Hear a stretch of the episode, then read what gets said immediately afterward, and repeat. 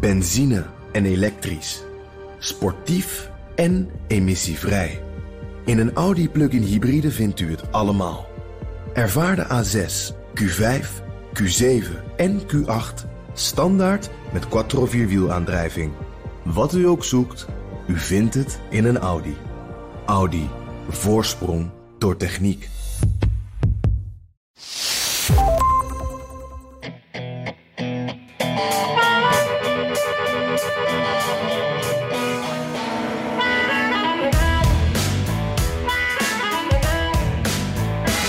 Amerika staat achter Israël, zo verzekerde president Biden tijdens een bliksembezoek aan een land in oorlog. I come to Israel with a single message. You're not alone. You are not alone. As long as the United States stands and we will stand forever, we'll not let you ever be alone. Biden zegt allerlei hulp toe aan de Israëliërs, maar er moet er wel eerst een Speaker of the House worden gekozen in Washington. Want zonder Speaker geen Huis van Afgevaardigden en kan Biden geen geld uitgeven. Jim, Jim Jordan wil het worden, maar die krijgt nog niet genoeg collega's achter zich. What a carnival of idiots. Uh, it's unbelievable.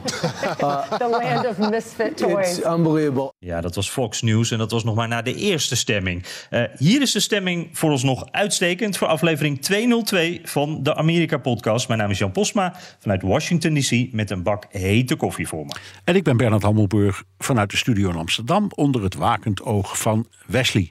Jan, even voordat we aan allemaal moeilijke en sombere verhalen beginnen, want die zijn er helaas.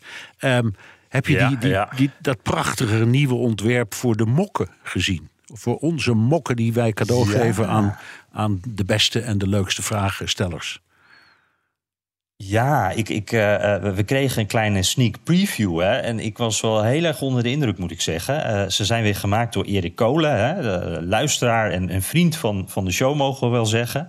Eh, verrassing voor de 200ste uitzending.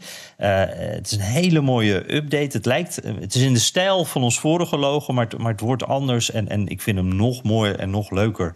Eh, ze worden op dit moment volgens mij op de mokken gezet, hè, Bernard. En dan, eh, eh, ja, dan gaan ze zo ook eh, richting eh, luisteraars. Ja, nou, we laten jullie weten als het zover is. Eh, ik zou best mijn koffie daar nu al eh, in willen schenken. Maar goed, het is wachten. hè. En bovendien, Ja. ik, ik, ik, ik kom niet in aanmerking, want ik stel nooit de leukste vraag. Maar je antwoorden mogen er ook zijn, hoor, Bernard. Dat, eh, dat is ook een mok waard. Oké. ja. Hey, ja, en, en wat serieuzere zaken, eh, inderdaad. Want eh, ja, so- sowieso, Bernard, toen kom je nog een beetje aan slapen toe. Want als buitenlandcommentator, jij zegt wel eens in, in wat rustigere tijden... een be- beetje grappend van, er moet geen wereldvrede zijn... dan heb ik geen werk meer. Maar eh, jij moet eh, al je tijdzone, alle tijdzones tegelijkertijd in de gaten houden op dit moment, hè? ja, dat is zo. Ja. Dat, het is inderdaad heel druk. En het zijn ontzettende lange dagen. Eh, Maar ik, ik ken een ander gezegde wat ik heb. Ik compenseer vroeg opstaan met laat naar bed gaan. Ja, precies. Heel goed. En eh, wat koffie erbij en dan, dan komt het alsnog wel, eh, wel goed natuurlijk. Ja. Ehm, ja, hey, wa- want eh, we zaten allemaal natuurlijk naar, sowieso naar Israël te kijken. maar ook naar het bezoek van Biden aan Israël. Hij sprak met Netanyahu. Hij hield een toespraak waarin hij Israël steunde en ook waarschuwde. Eh, maar hij kon uiteindelijk niet met Egypte en Jordanië en, en ook met Abbas van de Palestijnse eh, eh, autoriteiten om de tafel. Ehm, ja, en ik, dus dat is een beetje een reis met, gemengde, eh, gemengde eh, gevoelens, denk ik daarom. Ehm, en ik zeg er nog maar even bij, we nemen dit op voor de toespraak die Biden gaat houden vanuit de Oval Office. Voor ons is dat, eh, komt dat pas eh, over een paar uur. Dus die info hebben we even niet mee kunnen nemen. Dat is het punt waarop we nu zitten. Ehm hey Bernard, Biden ging daarheen voor mijn gevoel met een, had een dubbele rol eigenlijk te vervullen. vervullen. Hij wilde de vredestichter zijn, hè, escalatie voorkomen, partijen bij elkaar brengen. Maar hij wil ook achter Israël blijven staan. In, in hoeverre is dit allemaal gelukt? Nou, nou in alle eerlijkheid ehm, en met al het respect dat ik ervoor heb hoor. Want hij zei heel terecht: ik ben de eerste president uit de geschiedenis die naar eh, het Midden-Oosten gaat tijdens een oorlog. En daar had hij gelijk in. En, en zijn minister van Buitenlandse Zaken Blinken, die moest. eh, eh, al een paar keer in, het, in het trapgat en ergens in een keldertje duiken, omdat er weer al luchtalarm was. Dus het, het was flink om te beginnen. Dat maakt sowieso indruk op de wereld, hoe de mensen er ook tegenover staan. Maar daar nemen heel veel mensen hun petje voor af. Inhoudelijk was het ingewikkeld, Jan. Want hij had eigenlijk een, uh, ja, een, een missie met twee doelen. Hij wilde uh, Israël uh, solidariteit tonen.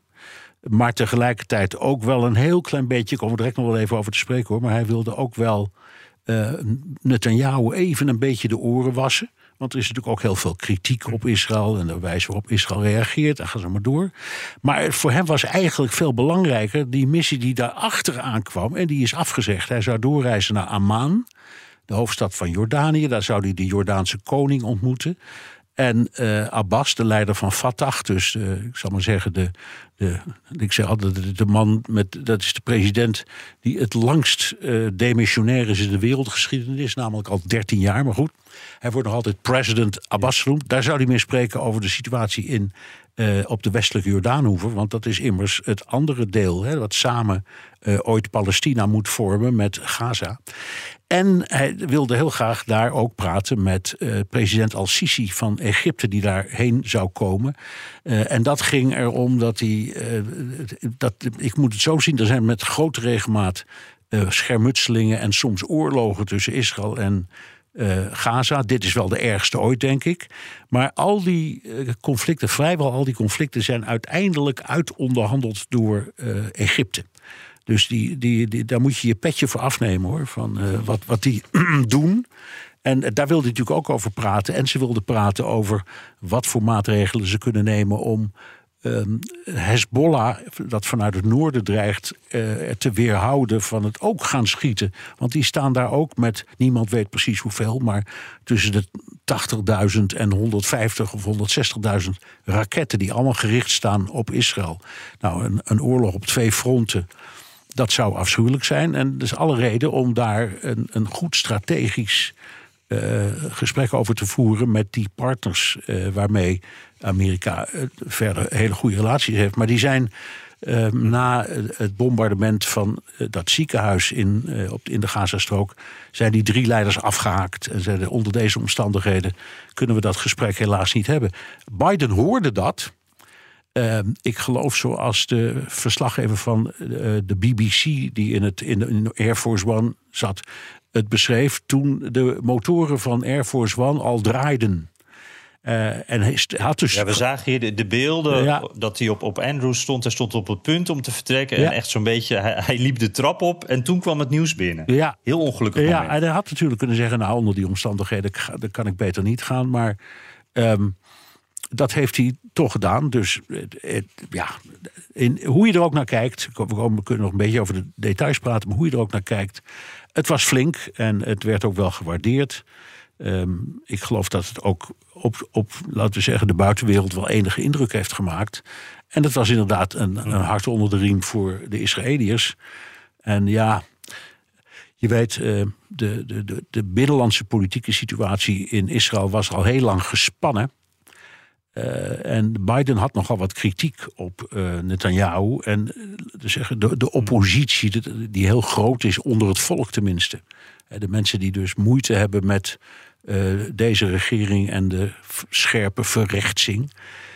die voelden zich eerlijk gezegd gesterkt door dit bezoek. Ehm, maar ja, het, het, liep allemaal uit de hand, Jan. Want in, in, de, in de Arabische wereld rondom daar sloeg na dat uh, bombardement op dat ziekenhuis onmiddellijk de vlam in de pan. Dus overal kreeg je rellen en demonstraties. En iedereen was er absoluut van overtuigd dat Israël dat had gedaan. Eh, terwijl naar alle waarschijnlijkheid dat niet het geval is. We moeten nog afwachten hoe dat onderzoek afloopt, maar het ziet er niet naar uit. Uh, maar hoe dan ook. Dus eigenlijk viel de hele missie in het water, Jan. Uh, en en het, ja. bleef, het bleef dan bij uh, een gesprek met uh, Netanyahu en dat oorlogskabinet. Maar er is wel één belangrijk moment geweest. Op de terugweg met Air Force One naar um, uh, huis. Uh, heeft Biden even, is even naar achteren gekomen. Je weet, er zit een deurtje tussen het chique officiële gedeelte en het min of meer gewone gedeelte waar de journalisten zitten. Uh, en daar heeft hij ze laten zien, omdat hij heel blij zei: Het is mij toch gelukt, nu net aan boord via de telefoon, om een goed gesprek te voeren met Al-Sisi, de president van Egypte. En die heb ik zover gekregen dat we samen um, kunnen werken aan uh, het openen van de toegang tot Gaza vanuit Egypte. Eh, zodat ehm, de voedsel en andere hulptransporten eindelijk naar binnen kunnen.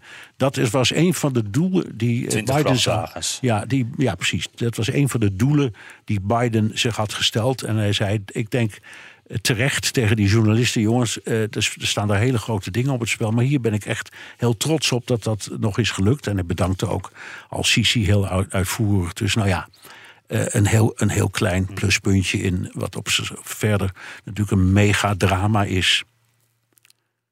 Ja, ja. Hey, en, en nog even inhakend op wat je zei van dat moment dat die raketinslag was geweest. Eh, het is een beetje een zijpaadje, maar ik, ik, ik verbaasde me erover hoe dat in eerste instantie bij bijna alle media eh, gebracht werd. Dat, dat het, het- ja, eigenlijk hoe het vanuit eh, de Palestijnen, dat, dat bericht werd verteld over dat het een Israëlische raket was en dat er 500 doden zouden zijn gevallen, dat het ziekenhuis direct geraakt was. Eh, dat dat in de eerste instantie op heel veel plekken, ook in Nederland, via de nieuwsalertjes en de eerste artikelen, eigenlijk klakkeloos werd overgenomen. Ja. Ik, eh, ik schrok daar wel een beetje van. Ik, en ik snapte dat eigenlijk ook niet zo, Ik ook. dat verkeerd kon gaan. Ja, ik ook. En ik moet zeggen, ik, ik zat op dat moment net als jij met, eh, ik denk, Fox News aan, CNN aan en de BBC. En de BBC had als eerste de woordvoerder van Netanyahu. Nou kun je zeggen, dat is misschien objectief niet de meest betrouwbare bron. Maar dat is Mark Regev. Dat is wel een hele bekende man. Komt uit de journalistiek, de Britse journalistiek. Eh, en die zei meteen al: ehm, ik, ik kan iedereen verzekeren dat het geen Israëlische raket was. We zoeken nog naar de waarheid, maar wij vermoeden dat het een eh, raket is geweest van eh, islamitische jihad. eh, die, waarvan de motor is af- afgeslagen. Dat gebeurt af en toe. Dus die, en die is nou gewoon naar beneden gevallen op dat ziekenhuis. Althans op de parkeerplaats daarna. Daarna is, is- is Israël ook met. ehm, eh, allerlei beeldmateriaal en geluidmateriaal gekomen. En d- opnames van de satelliet om dat te laten zien. En met een geluidsbandje waarop je kon horen hoe een paar mannen met elkaar eigenlijk eh, heel verbaasd zeggen: Jongens, wat is hier nou toch aan de hand? Wat is hier gebeurd? Dus die wisten het klaarblijkelijk ehm, ook niet. En ehm, het opmerkelijk was ook dat ehm, toen eh, Biden aankwam in Tel Aviv, ongeveer het allereerste dat hij zei was eh, dat hij goede aanwijzingen had dat het in elk geval geen Israëlische aanval was. Hij zei het wordt nog een beetje uitgezocht, Ja. maar en wat, wat bleek, dat, dat had hij dus, dat was helemaal geen Israëlische informatie, dat was eh, zijn eigen Pentagon. Dus eh, de, de, ik zal maar Ook zeggen. heel interessant om te zien. Ja, want in dus- eerste instantie zei hij het inderdaad. Ja. En toen merkte je ook wat terughoudendheid. Van, is, heeft hij dit nou net van Israël gehoord? Waar komt dit vandaan? Ja. En toen was inderdaad een paar uur daarna... de bron was het Pentagon. Ja, en daar kwam, ik meen, eh, hoe heet ze, die, die geweldige Kathleen Kalen van CNN. Eh, die, kwam Oh, weer, die kwam als eerste met dit bericht. Dat, eh, dat vond ik ook wel weer goede journalistiek hoor.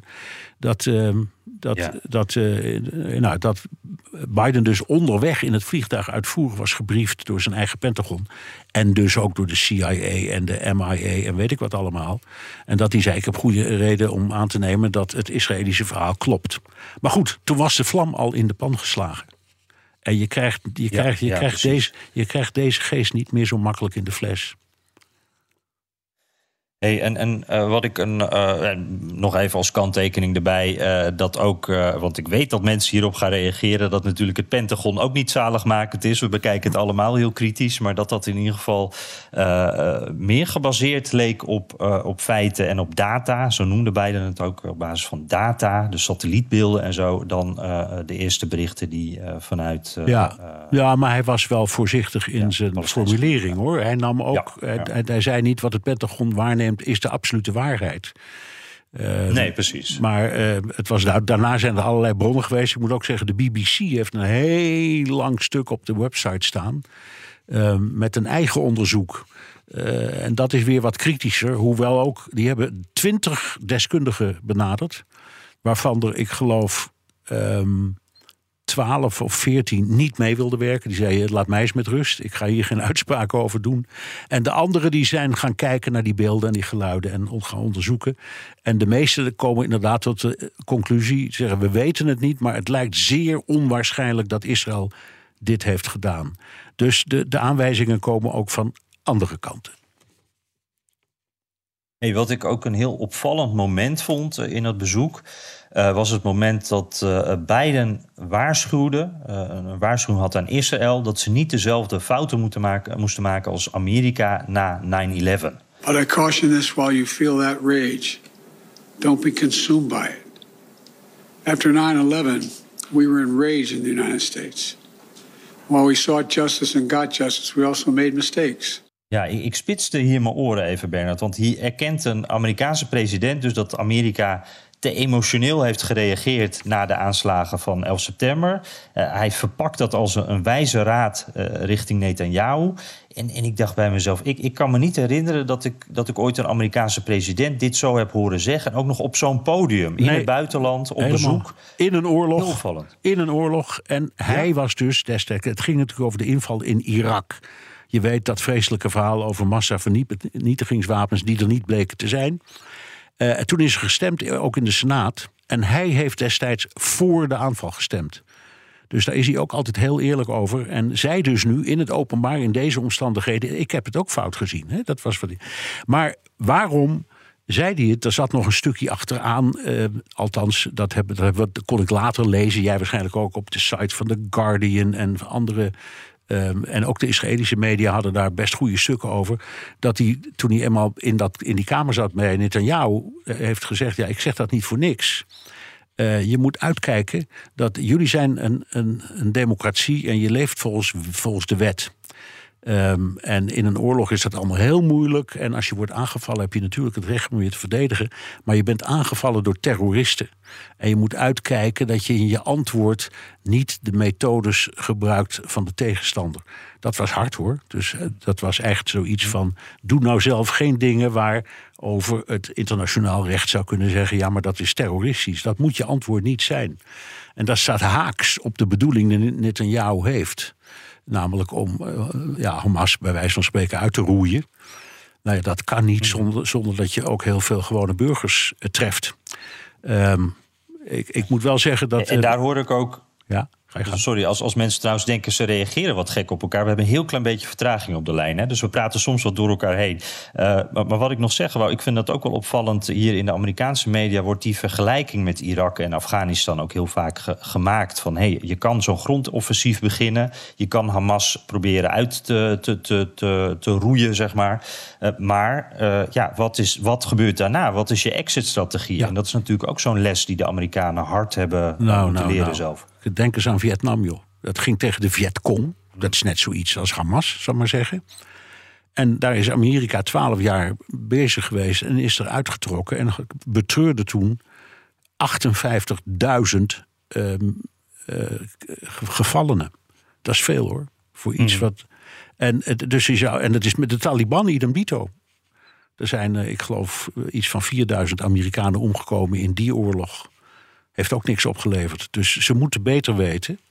Um, maar het gaat ook om, uh, laten we maar zeggen, het innemen van. Het, in eerste plaats om het te laten zien dat, uh, dat Biden uh, ook luistert naar landen of partijen of mensen die kritiek hebben.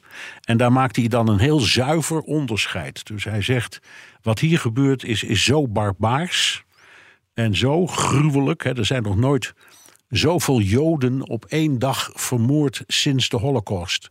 Dat is niet niks. Dus hij zegt, en, en als je ziet de manier waarop dat is gebeurd, is zo gruwelijk. Dan zeg je, je hebt het volste recht om dan in actie te komen. Alleen je moet ontzettend uitkijken hoe ver je gaat en hoeveel je doet. En dat ging natuurlijk over die voorgenomen invasie, waar Biden tegen is. Maar ja, we hadden. Um, um, brigadegeneraal uh, Han Bouwmeester als gast in uh, naar de Wereld. En die zei: Joh, ik denk dat ze er al lang in zijn.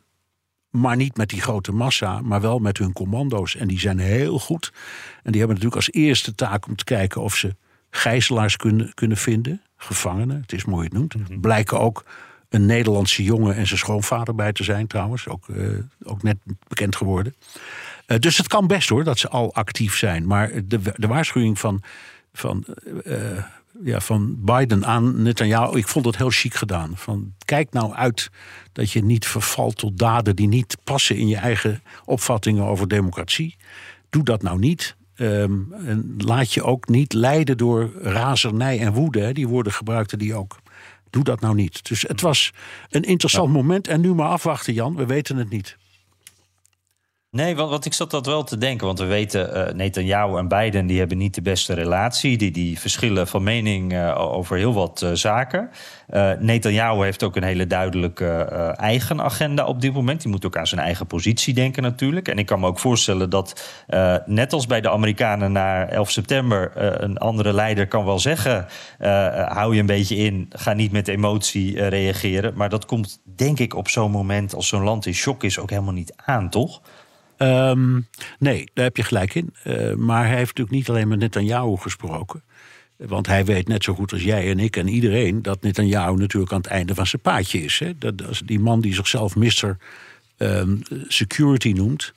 dat hij zo, een onvoorstelbaar is verantwoordelijk... voor zo'n ongelofelijke blunder van de geheimen van de inlichtingendiensten. Die hebben het helemaal niet, zien aankomen.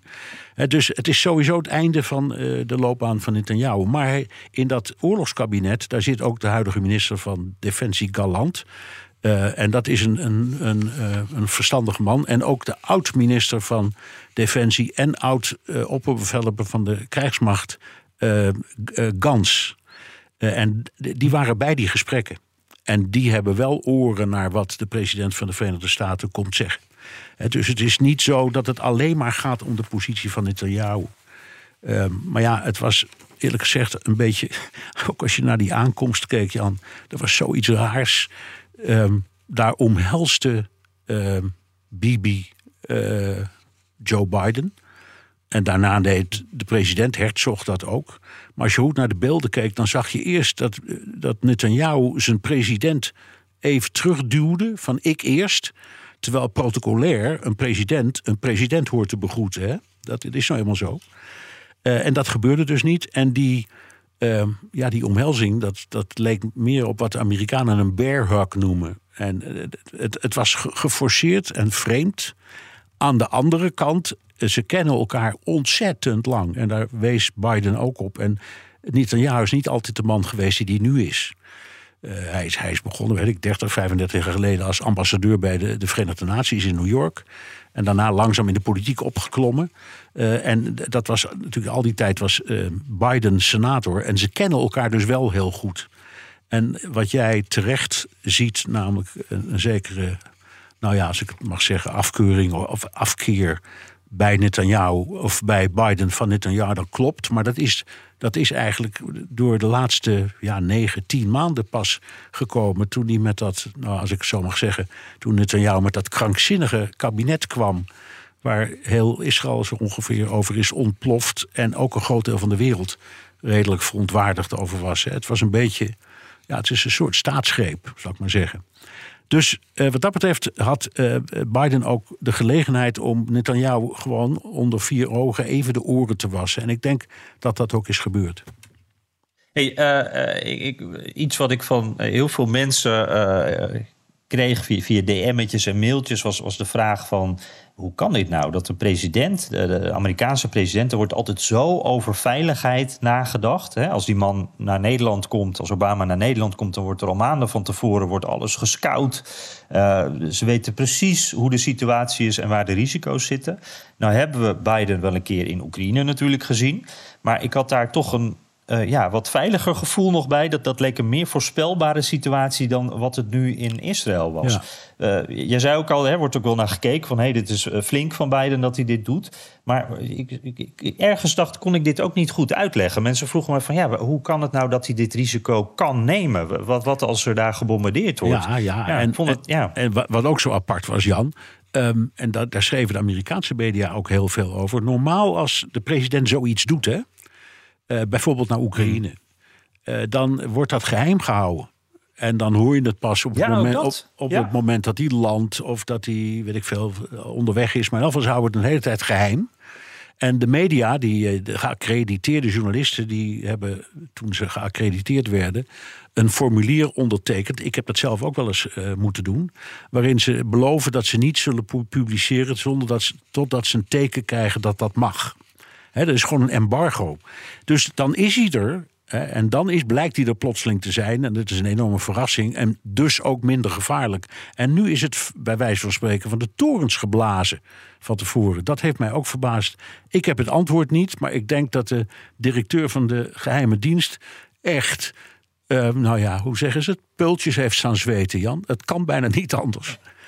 Hey, en, en tenslotte nog eventjes, ik, misschien dat ik er nu even eh, iets te cynisch naar kijk hoor, ook eh, gezien de situatie daar. Maar ik kon me toch niet, ik, ik zat er toch steeds wat aan te denken. Ehm, Biden doet dit natuurlijk omdat hij de president van Amerika is, omdat hij daar een rol in heeft. Zo ziet hij dat zelf ook. Hè. Hij, ziet zichzelf eh, in, de ouderwetse rol van, van Amerika als eh, eh, land dat orde en, vrede kan brengen. Met name in het Midden-Oosten ook.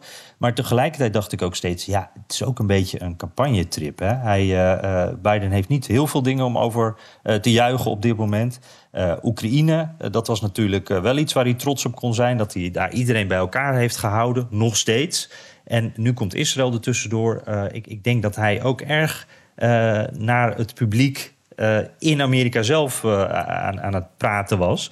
Eh, dat, dat dat er ook wel heel belangrijk was Ja. voor deze tip. Of ben ik nu iets te cynisch? Nou, dat weet ik niet. Nou, dat- nee, dat, dat, dat vind ik jou zelden hoor.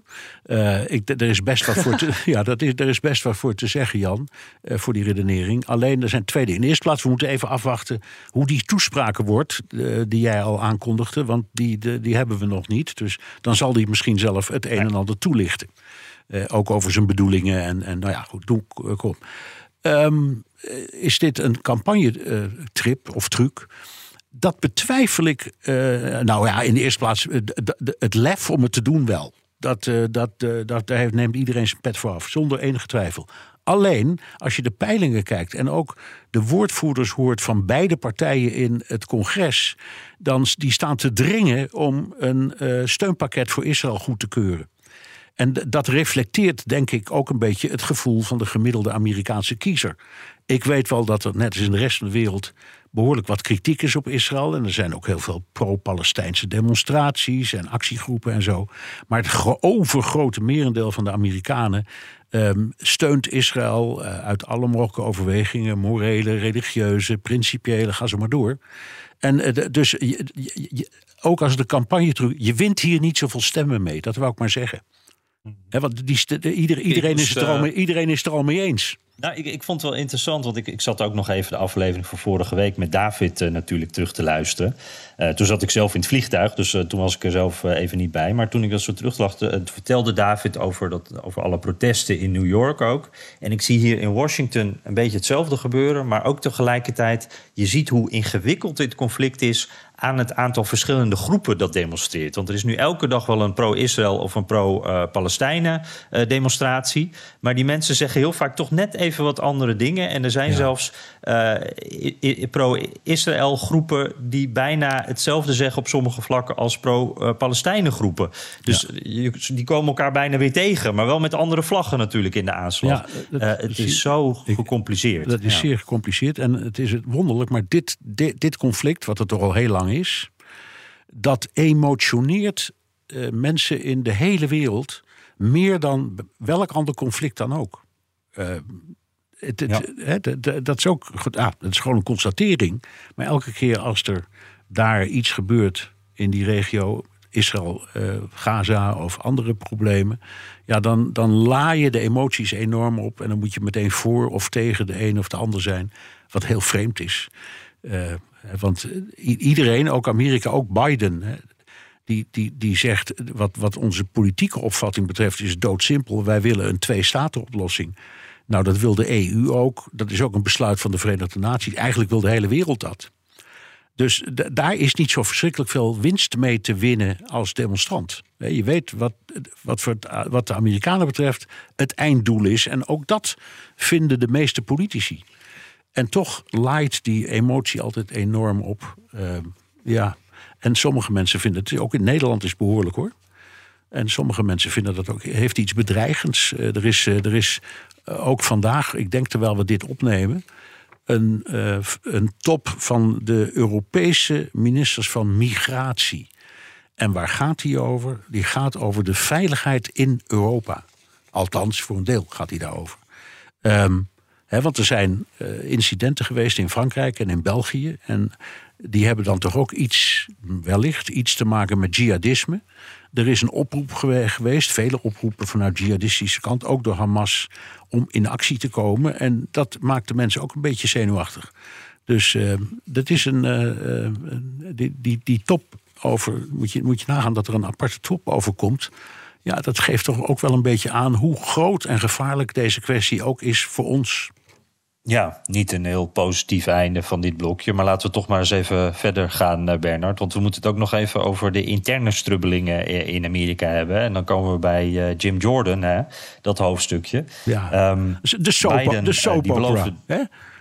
Ja, precies. Ook het moment waar we een beetje... Ik moet eerlijk zeggen, ik heb hier ook wel van zitten genieten, Bernard. Want dan was er weer zo'n stemming. En dan, dan hoor je dat geluid in die zaal. En er was een geroezemoes als iemand tegen Jordan stemde... Die, die toch wat niet verwacht werd. En er werd heel theatraal geklapt als Jordan zelf zijn stem uitbracht... of, of uh, als uh, Nancy Pelosi haar stem uitbracht.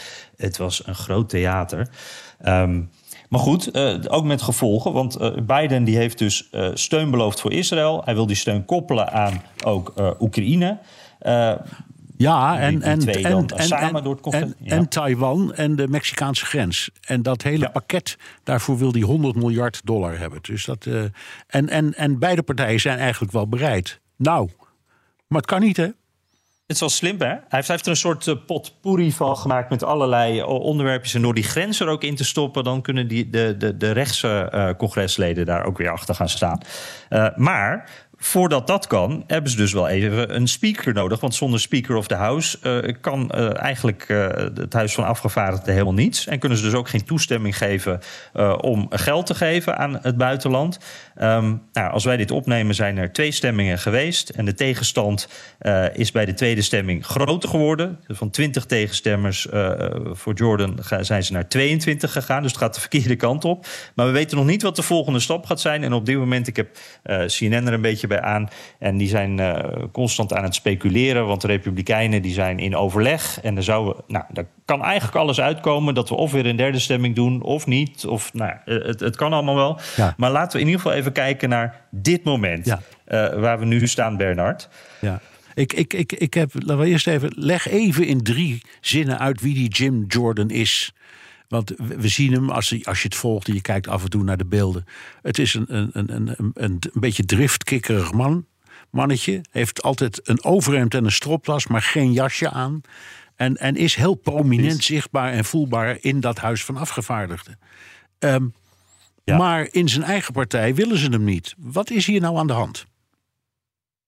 Ja, die, die, man, uh, die Jim Jordan, die, is echt wel controversieel. Uh, hij is uh, een van de oprichters van de Freedom Caucus, zeg maar de, de extreme Trump-vleugel waar we het vaak over hebben. hij was ook onderdeel van de 6 januari nou, kliek, zeg ik maar eventjes. Hij was een van die congresleden die ook de uitslag niet wilde erkennen. En hij was echt een van de, van de sleutelfiguren ook in de overleggen daarover, om dat te stoppen of tegen te houden. Um, hij wordt daar niet uh, voor, voor, onderzocht, voor zover we weten, door, door de 6 januari, uh, door, door, Jack Smith. Um, maar goed, dat is wel ook een, een reden waarom gezegd wordt: hey, uh, ook door Republikeinen, als ze Jim Jordan nu speaker maken, ja, wat gebeurt er dan bij de volgende verkiezingsuitslag? Stel dat die dan niet erkend wordt door de Speaker of the House, dan hebben we een probleem. Um, ja. Hij zit daarnaast al 16 jaar in het congres. Um, en als je dan kijkt naar wat heeft hij dan bereikt in die tijd, dat is eigenlijk bijna niets. Hij, is niet iemand die aan het opbouwen is, iemand die, die, die eh, plannen erdoor wil krijgen. Hij is vooral aan het afbreken, is aan het tegenhouden. Uh, hij is nu bijvoorbeeld druk met uh, impeachment van Biden ook. Daar is hij het gezicht van. Uh, hij, hij, was ook uh, bij die, die, die, laatste uh, shutdown-onderhandelingen... was hij een van de mensen die zei van... nou laat die shutdown maar komen. ik ben tegen een grote overheid. Dus een dag geen overheid is eigenlijk een overwinning voor ons. Um, dus dan krijg je iemand die eigenlijk het tegenovergestelde is van een verbinder. Dan krijg je iemand die niet samen wil werken, ook die contacten niet heeft met het Witte Huis of, of bijvoorbeeld met de Senaat. Want het is iemand die altijd zijn eigen plan trekt en overal altijd tegen is. Uh, ja, hoe kan zo iemand nou samenwerken? Uh, en daar staat ook nog een keertje, uh, daar komt ook nog een keertje bij dat dat, dat niet alle uh, republikeinen en sowieso ook democraten niet hem heel sympathiek vinden. Dus hij is populair bij bepaalde kiezers, bij Trump-stemmers, maar hij is niet populair bij zijn collega's. Nee, wees eens eerlijk, als je hem hoort praten hè, of schreeuwen, hang jij dan ook aan zijn lippen, net zoals ik? Ja, ik, ik, ben wel altijd ik, benieuwd wat hij nu weer gaat ja, zeggen. Precies. Ja, precies. Ik, ik, ik denk, nou, even, even, rustig, even rustig kijken of luisteren. Elke keer als ik hem zie. Uh, en we zien hem veel. Ja. Nou, uh, uh, ja. Gespeelde boosheid zit er ook ja, vaak in. En daar erger ik me wel eens een beetje aan. Dat is ja. ook zo. Hè. Um, ja, het, het, heeft natuurlijk allerlei. In de eerste plaats even de, de, de, de constitutionele kant. Hè. De Speaker of the House. Uh, die moet er zijn, onder andere omdat dat de tweede opvolger is. Hè? Dus als de president iets overkomt en de vicepresident ook, dan is de speaker ja. is de president. Dus het is niet zomaar een rol, het is ook, het is ook een grote constitutionele en nationale betekenis aan verbonden. En dat, ze, dat, weet, dat weet die Republikeinse partij nu ook. Wat, wat zegt de Republikeinse partij nou over Jim Jordan? Ja, uh, die zijn daar dus. Uh, ik denk dat er, daar wordt veel minder gezegd en, en, veel meer gedacht dan dat wij te horen krijgen. En, en dat er nu dan 20 mensen of 22 mensen tegenstemmen. Dat is denk ik een beetje het puntje van de ijsberg. En het, heeft, het is een beetje dezelfde, in dezelfde gedachte als hoe er met Trump wordt omgegaan.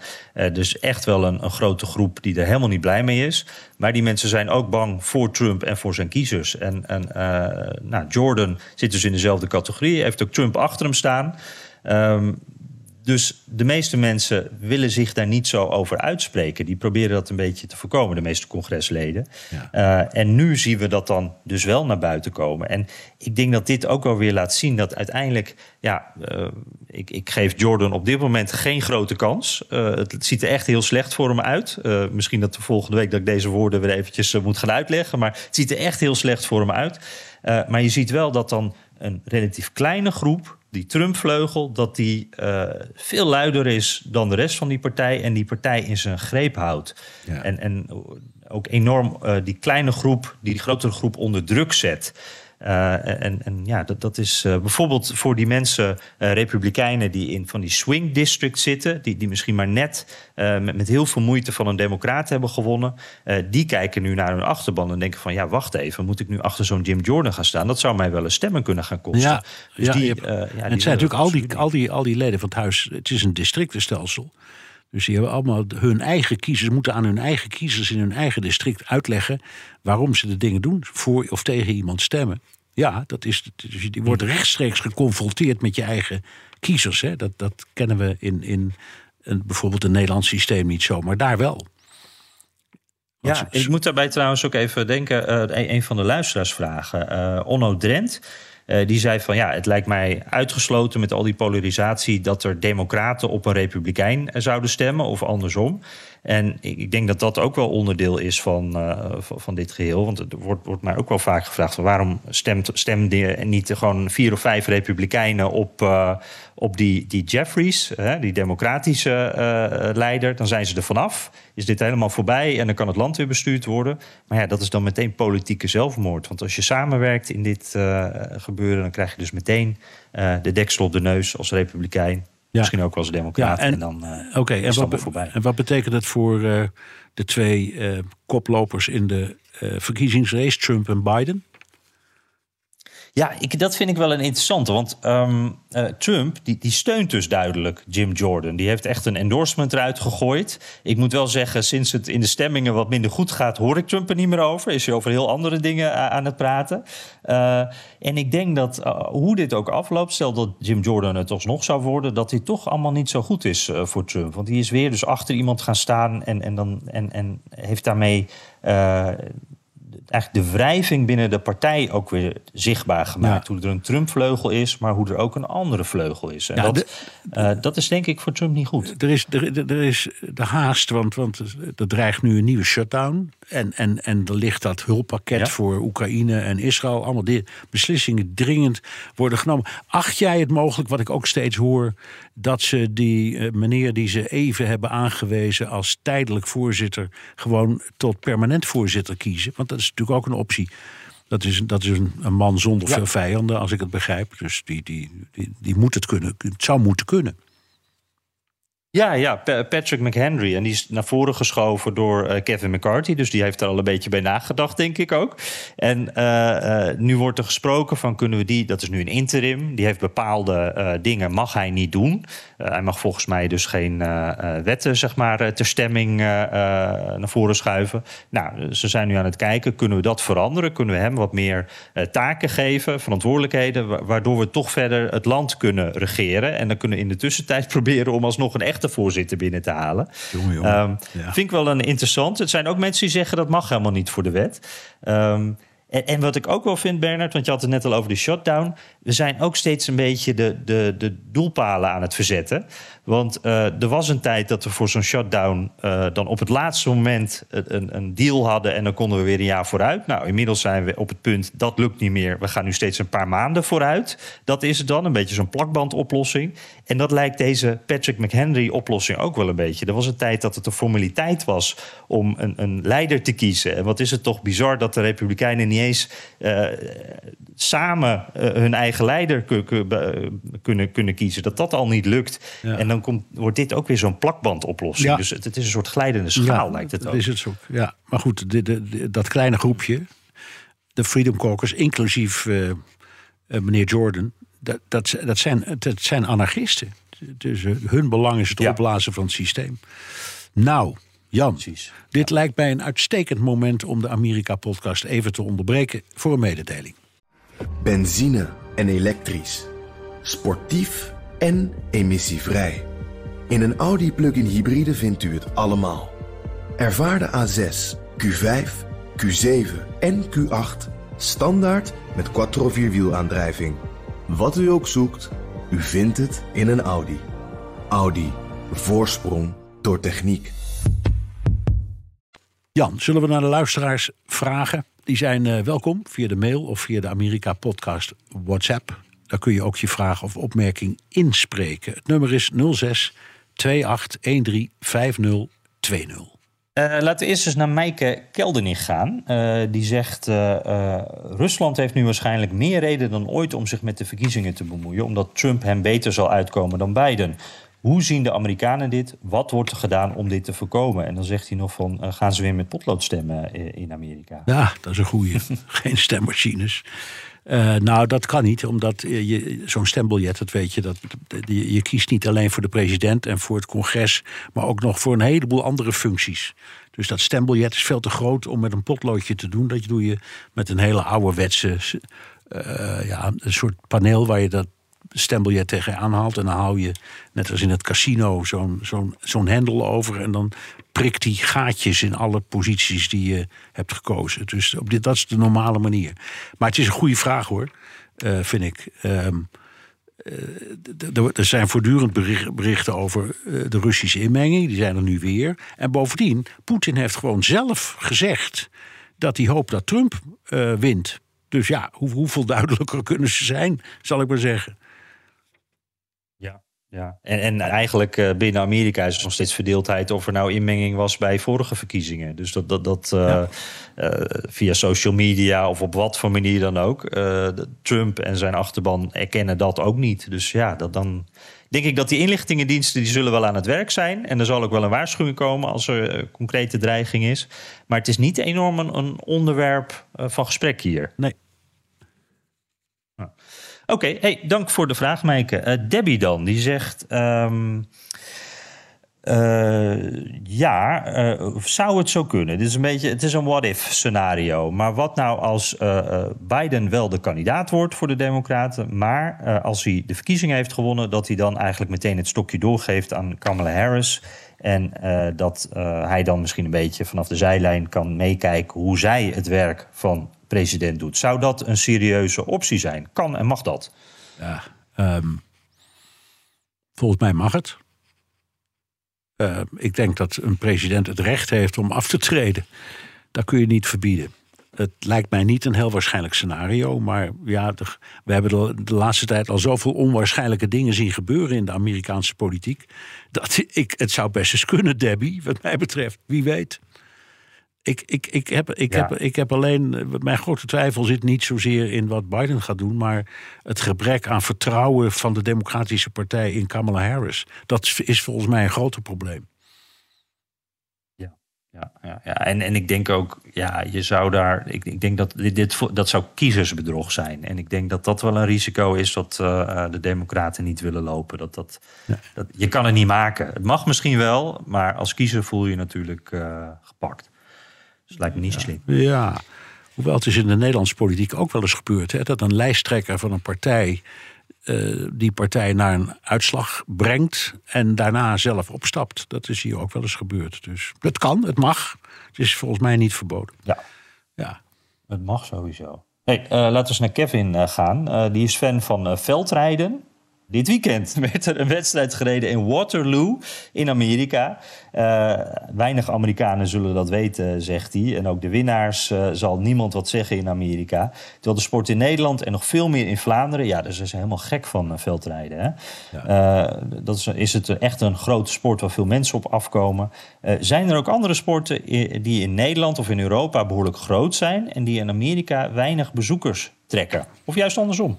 Nou, jij weet meer van sport dan ik, maar ik weet er één. En dat is hockey. Ehm, want Ja. hockey, dat, dat, wat wij dus hockey noemen, veldhockey... dat is een meisjessport in Amerika. Er zijn nagenoeg geen mannen die dat spelen. Ehm, dus dat is, ik zal maar zeggen, dit is het andersom verhaal. Eh dat bestaat nauwelijks en er wordt ook nauwelijks naar gekeken. Maar jij weet meer van sport dan ik, Jan. Nou, er waren een paar dingen waar ik aan moest denken. Ten eerste natuurlijk korfbal. Maar eh, nou ja, dat geldt geloof ik voor de hele wereld. Doen we alleen in Nederland en, en België volgens mij heel eh, fanatiek. Ehm speedskating, dus eh, schaatsen, dat vinden ze hier ook wel raar. Je had Ja. een tijdje Johnny Davis, hè, die deed het goed. Ja. Maar ik merkte, het maakte bij die Amerikanen echt helemaal niks los. Die snapten daar echt nog steeds helemaal niks Nee, van. en die vinden het een slaapverwekkende vertoning, zeggen ze altijd tegen mij. Ja, Ja. Oh, alsof je gras eh, aan het kijken bent hoe gras groeit. Dat Ja. is eh, hoe het hier wel omschreven Ja, vooral die lange ritten, hè? Dat, ja, dat is niks. Ja, precies. Hey, en eh, ik moest ook meteen aan een van mijn eigen favorieten denken. Formule 1. Eh, dat probeert hier door te breken. Dat is natuurlijk een wereldwijde sport. Maar eigenlijk ook wat is heel eurocentrisch nog steeds. En die proberen in Amerika echt voet aan de grond te krijgen. Soms denk ik, hé, hey, het lukt. Eh, en soms denk ik van, nou, het, eh, ze hebben nog een lange weg te gaan. Ik denk dat allebei waar is. Maar eh, dat is ook wel zo'n sport die probeert... ja, iedereen kijkt die NASCAR, misschien een beetje IndyCar. Formule 1, eh, nou, dat, daar hebben ze nog wel wat werk te verzetten. Ja. En, en sowieso, Bernard, wat me altijd opvalt... Amerikanen maken overal een sport van. Hè? Ik, ik zag laatst, zat ik op tv naar... eh, ik zat naar ESPN, een sportzender, te kijken. Toen was er professioneel cornhole was op tv. Ik weet niet of je dat kent, maar dan heb je zo'n bord... en dan moet je dan een zak met... eh, eh, Mais, ja, maiskorrels. Ja. Die moet je daar dan ja, zo ingooien, do- door een gat heen. Maar dat zijn echt mensen met gesponsorde t-shirts. En dat is een soort. eh, eh, nou, ze doen alsof het een soort Champions League is. Dat is dan live op televisie. Ik denk van, nou, zover zijn we in Nederland nog niet met Nee, gekke nee, sporten. nee. Nee, we hebben ook niet zoveel mais als de Amerikanen. nee, precies. Dan moeten we iets anders vinden. ze komen Hey, erin laten we nog Ja. even snel. Ja. Ja, precies. Laten we nog snel eventjes Theo Ridders maar meepakken voordat we eh, moeten afronden. Want die zegt van ja, het gaat altijd erover hebben die democraten niet een geschiktere presidentskandidaat dan, dan Joe Biden, iemand die wat jonger is. Waarom stelt Anthony Blinken zich niet verkiesbaar, de minister van Buitenlandse Zaken? Ja. Ja, dat zou kunnen. Ehm, ik, ik weet het niet. Mijn indruk van zo iemand als Blinken is dat hij daar geen belangstelling voor zou hebben. Dat is echt iemand die zich thuis voelt in de wereld van diplomatie en onderhandelen en eh, ehm, belangen verdedigen of bestrijden.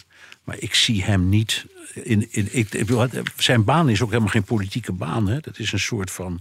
Ja, minister van Buitenlandse Zaken is, is een aparte wereld met zijn eigen ploeg. Hij krijgt alle ruimte die hij maar wil van deze president. Dus ik zie het niet gebeuren. Maar het kan best, wie weet. Ja, ik denk dat hij ook een beetje eh, personality mist, om het eh, even plat te zeggen. Want het is niet iemand die van het scherm spat. Ik, hij zegt altijd verstandige dingen. Ik denk dat hij ook goed is in zijn werk. Eh, het zal een goede diplomaat zijn, maar hij, het is denk ik niet een, een verkoper, zeg maar. Het is Nee. niet een, een Nee, kandidaat. het is- ja, ja het, is, het is een keurige ambtenaar, heb je gelijk in. En zijn- das zit Nou, das zit altijd zo keurig recht. Valt jou dat ook op?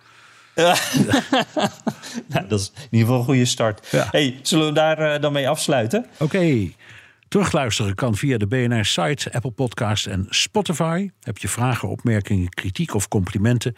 Dan kan dat ook met een tweet naar Jan Postma USA of BNR De Wereld.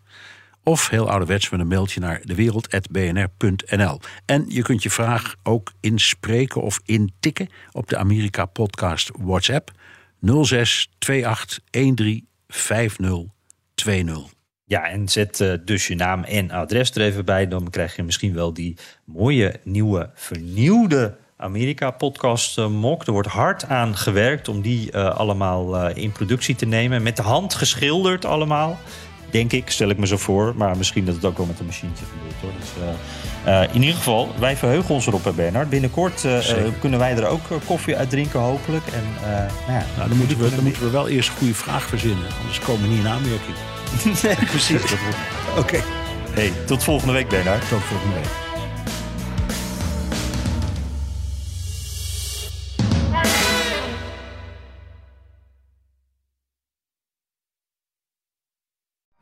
Benzine en elektrisch. Sportief en emissievrij. In een Audi plug-in hybride vindt u het allemaal. Ervaar de A6, Q5, Q7 en Q8 standaard met quattro vierwielaandrijving. Wat u ook zoekt, u vindt het in een Audi. Audi. Voorsprong door techniek.